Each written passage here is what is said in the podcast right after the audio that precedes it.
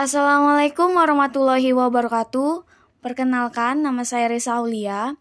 Di sini saya akan membacakan sebuah berita yang berjudul tentang media digital di Indonesia mulai sasar pembaca milenial. Jadi, kelompok yang paling akrab dengan teknologi mobile, generasi milenial memang terkenal tak bisa lepas dari penggunaan internet.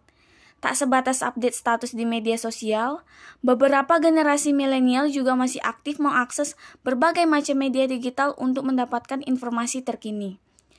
Adapun salah satu media digital tersebut adalah viva.co.id. Sebagai salah satu media digital besar di Indonesia, portal yang kini berusia 9 tahun baru saja mencatat capaian penting. Sebab, portal berita itu kini sudah mencapai 1 juta artikel pada Januari 2018.